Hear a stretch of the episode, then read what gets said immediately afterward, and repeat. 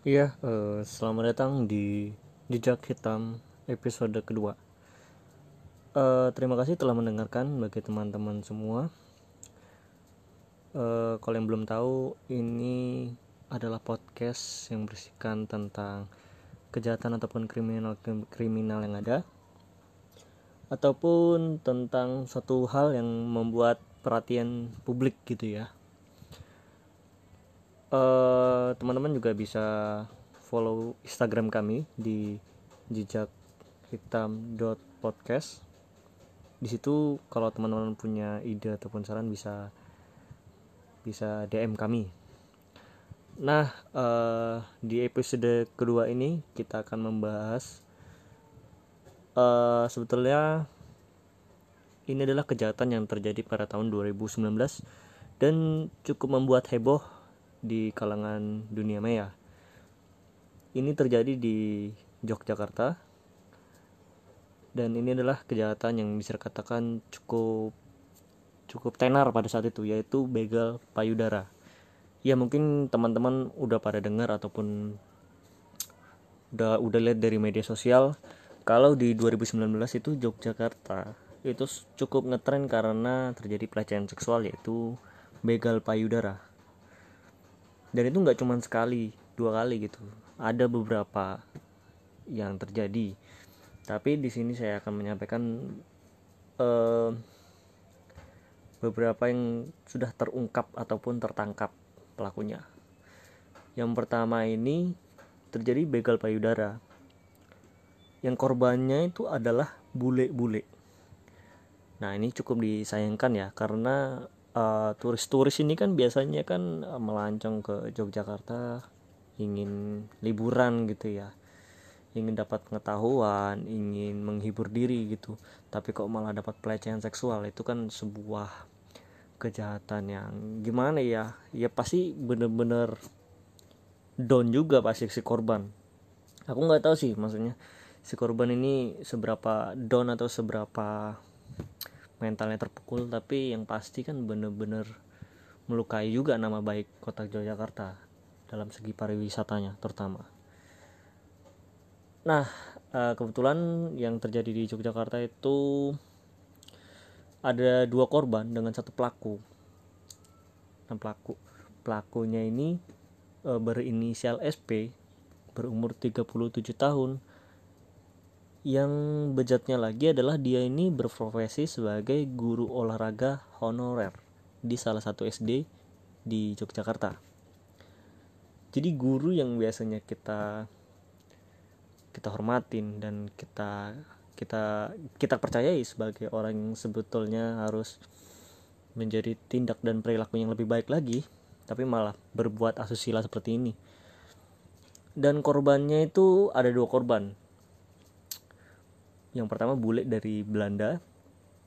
Yang kedua adalah uh, bule dari Australia. Jadi yang kejadian pertama itu terjadi pada tanggal 13 Juni 2019 nah si korban pun mulai melapor nih. Bule-bule pun udah mulai melapor. Dan terjadi lagi di tanggal 29 Juni. Jadi ada selang beberapa minggu gitu ya. Dari dari 13 Juni sampai dengan 29 Juni Nah, setelah gitu pun masyarakat di daerah Prawiro Taman. Nah, ini kan terjadi di daerah Prawiro Taman ya, kalau teman-teman yang belum belum tahu. Nah, saya jelaskan lebih rinci lagi. E, daerah Prawiro Taman itu adalah daerah e, bisa dikatakan kayak kampung bule ataupun kampung turis. Karena di Yogyakarta itu e, kampung turis ataupun pusatnya bule ini di Prawiro Taman karena dia memiliki fasilitas-fasilitas yang cukup memadai untuk para turis-turis ini seperti bar, kafe, uh, hotel-hotel dan banyak lain sebagainya yang bisa dikatakan support untuk para turis. Karena kita tahu kan uh, Jogja kan kebudayaannya kuat banget ya dan juga sosialnya kuat banget. Jadi tidak sembarang tempat bisa di bisa dipusatkan gitu. Nah, ini untuk pusat uh, turisnya itu di salah satu di Prawiro Taman. Nah, pada saat itu uh, si pelaku ini berjalan-jalan ataupun mengelilingi daerah Prawiro Taman gitu ya. Nah, uh, sambil nongkrong-nongkrong juga. Nah warga pun sempat gimana ya kayak kayak lo kok ini ini orang kok mencurigakan? gitu ya. Warga pun sempat kayak mencurigakan. Gerak geriknya juga perilakunya juga dia sendirian. Tapi dia daerah situ terus uh, duduk-duduknya nongkrongnya dan juga jalan-jalan terus gitu keliling terus. Yaitu sampai dengan peristiwa kalau ada daerah yang sepi dan bule pada lewat dan dia pun mulai membegal payudaranya korban. Sampai akhirnya diselidikin. Jadi warga ini berbondong-bondong nangkep si pelaku gitu karena dicurigai. Kemudian setelah diinterogasi di data pun ternyata kok oh, kok ciri-cirinya mirip gitu dari CCTV yang terekam gitu kan kok mirip. Akhirnya pada tanggal ini cukup jauh juga sih pada tanggal 15 Juli uh, pelaku pun diringkus dengan barang bukti yaitu motor NMAX jaket hitam dan helm abu-abu. Jadi kecocokannya mirip banget ini sesuai dengan CCTV yang ada. Dan aku pun cukup menyayangkan ya maksudnya kok terjadi seperti itu di daerah istimewa Yogyakarta yang bisa dikatakan pariwisatanya cukup bagus gitu ya cukup indah uh, sedikit info juga kan aku kan uh, aku kan mahasiswa di Jogja gitu ya aku juga sambil ngojek gitu jadi sesekali aku dapat customer bule dan emang di Taman ini uh, kebanyakan itu bulenya itu turisnya itu berasal dari Australia dan juga Belanda. Nah, kebetulan yang terjadi korban begalnya ini adalah Belanda dan juga Australia. Ya, semoga citra baik Yogyakarta dengan adanya begal ini semoga benar-benar bisa diperbaikin. Karena seperti seperti ini justru bisa merusak ya kan. Ya bayangin aja Belanda dan Australia ini bisa dikatakan turis yang sangat banyak loh untuk melancong ke Yogyakarta ya saya sendiri kan ngojek jadi saya tahu gitu saya sering dapat customer dari Belanda dan juga dari Australia uh, ya semoga keamanan dari Prawira Taman lebih diperbanyak lagi biar nggak bakal terjadi lagi nih begal-begal selanjutnya untuk para turis-turis ini akhirnya uh, SP ini pun si pelaku terancam hukuman 2 tahun 8 bulan penjara. Dan info selanjutnya ini nggak jauh berbeda. Tepat satu hari setelah itu, setelah diringkus, uh, terjadi lagi begal payudara. Nah, kalau ini bukan bule. Kalau ini mahasiswa asal Cilacap. Ini korbannya ya. Korbannya itu mahasiswa asal Cilacap berinisial PK berumur 19 tahun. Ya, inisialnya PK dan pelaku adalah US berumur 29 tahun. Nah, pelaku sendiri adalah seorang penjual cilok keliling daerah Jogja. Ini dilakukan di dekat Pasar Ngasem. Nah, kalau teman-teman belum tahu Pasar Ngasem, sedikit info, Pasar Ngasem itu terletak di antara perbatasan alun-alun utara dan juga alun-alun selatan. Nah, jadi di Jogja itu kan kalau teman-teman belum tahu, itu Jogja itu memiliki dua alun-alun yang cukup terkenal yaitu alun-alun utara yang terdapat keraton dan juga alun-alun selatan yang terdapat uh, beringin kembar gitu loh, yang terkenal. Nah, pasangan sama ini tengah-tengah. Nah, uh, kejadiannya itu cukup cukup gimana ya? buat aku gusar juga sih maksudnya uh, pada saat itu si penjual cilok itu kan menjual ciloknya di alun-alun utara di daerah alun-alun utara di daerah keraton gitu dia pun sebetulnya sedang galau gitu atau sedang stres karena sang kekasih itu tidak direstui oleh orang tuanya atau calon mertuanya itu nggak direstuin gitu. Sampai akhirnya dia pun bertemu atau mungkin kayak ya namanya tempat keramaian gitu ya jadi kita sering melihat gitu kan. Nah kor korban ini pun bertemu dengan pelaku ya kayak paling pas lewat gitulah. Nah pelaku ini sebetulnya cuma mengagumi wah nih dia memiliki fisik ataupun tubuh yang menarik. Pada saat itu padahal si korban ini memakai pakaian yang tertutup dan juga rapi gitu ya. Nggak nggak nggak senonoh banget padahal. Tapi ya namanya nafsu ya gimana lagi kan? Orang-orang macam ini kan. Uh, sampai akhirnya di utara itu mungkin ya cuman sekedar berpapasan. Dan setelah itu pun si korban ini bertemu lagi di pasar ngasem. Nah mungkin ini kejadiannya waktu pas sang pelaku sedang ingin pulang mungkin. Dan itu berpapasan lagi bertemu lagi dengan si korban. Sampai akhirnya si korban ini kan dia berjalan bersama temannya yang kurasa sama-sama cewek sih pastinya.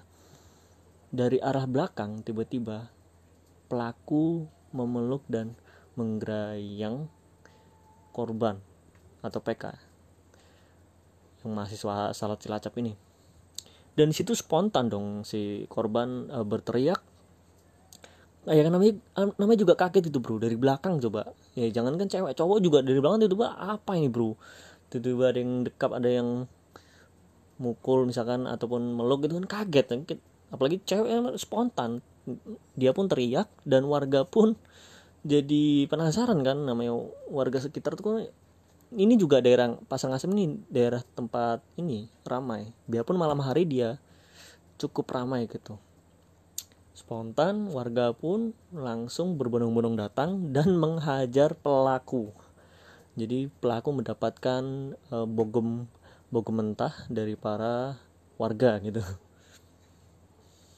Nah setelah diinterogasi yaitu pengakuannya dia itu mengaku bahwasanya dia itu sedang stres karena sang calon mertua tidak merestui. Dan setelah dia melihat korban ini kok mirip secara fisik kok penampilannya oke okay gitu ya. Sampai akhirnya berinisiatif seperti itu gitu. Uh, sampai akhirnya si pelaku pun tapi akhirnya pelaku pun dibebaskan walaupun sudah terancam gitu ya terancam hukuman dua setengah tahun eh, dua tahun 8 bulan tadi. Uh, kurasa kenapa pelaku bisa dibebaskan? Karena korban mungkin sudah memaafkan sang pelaku karena situasinya dan juga karena penjelasan dari pelaku gitu. Tapi apa pun kalau menurutku ya ini opini ku ya apa pun um, apa pun jawaban dari si pelaku ini tidak membuat aku kayak percaya 100% ataupun puas 100% karena tetap aja ini kejahatan dan bisa aja mungkin terjadi lagi di lain hari berikutnya gitu. Kita nggak tahu gitu. Dan kurasa ya mungkin dari pihak pelaku dan korban sudah ada perjanjian damai. Entah itu melalui materai ataupun duit saya juga kurang paham. Tapi ya ya sudahlah karena ini sudah terjadi gitu kan. Uh, dan dan dari kedua info ini sebetulnya aku pernah dengar lagi dan aku pernah melihat dari CCTV gitu kan sempat beredar juga di media sosial ada kejadian lain lagi gitu begal payudara begal payudara yang terjadi di Prawiro Taman juga. Itu terjadi dengan motor kalau nggak salah ya itu motor ereking aku aku nggak menyudutkan satu pihak tapi ini kalau nggak salah aja karena kamera CCTV itu terlihat rada-rada buram gitu gitu. Tapi aku juga nggak tahu itu sudah tertangkap atau belum pelakunya. Nah itu sih 2019 cukup tenar tentang begal payudara di Yogyakarta. Ya semoga dengan adanya kejadian ini keamanan di Jogja tuh makin diperketat dengan adanya CCTV yang cukup memadai dan juga dengan kualitas yang cukup jelas gitu ya. Jadi itu aja info dari saya uh, tentang episode kedua ini.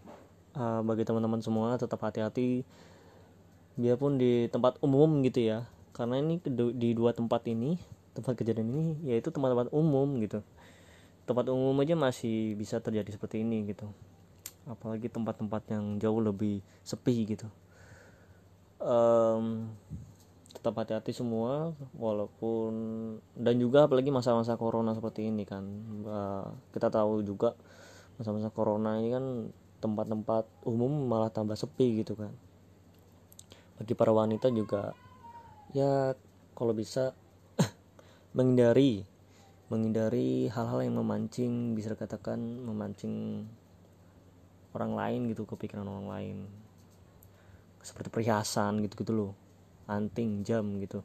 Jangan jangan membuat kayak perhatian publik lebih dibandingkan yang lain.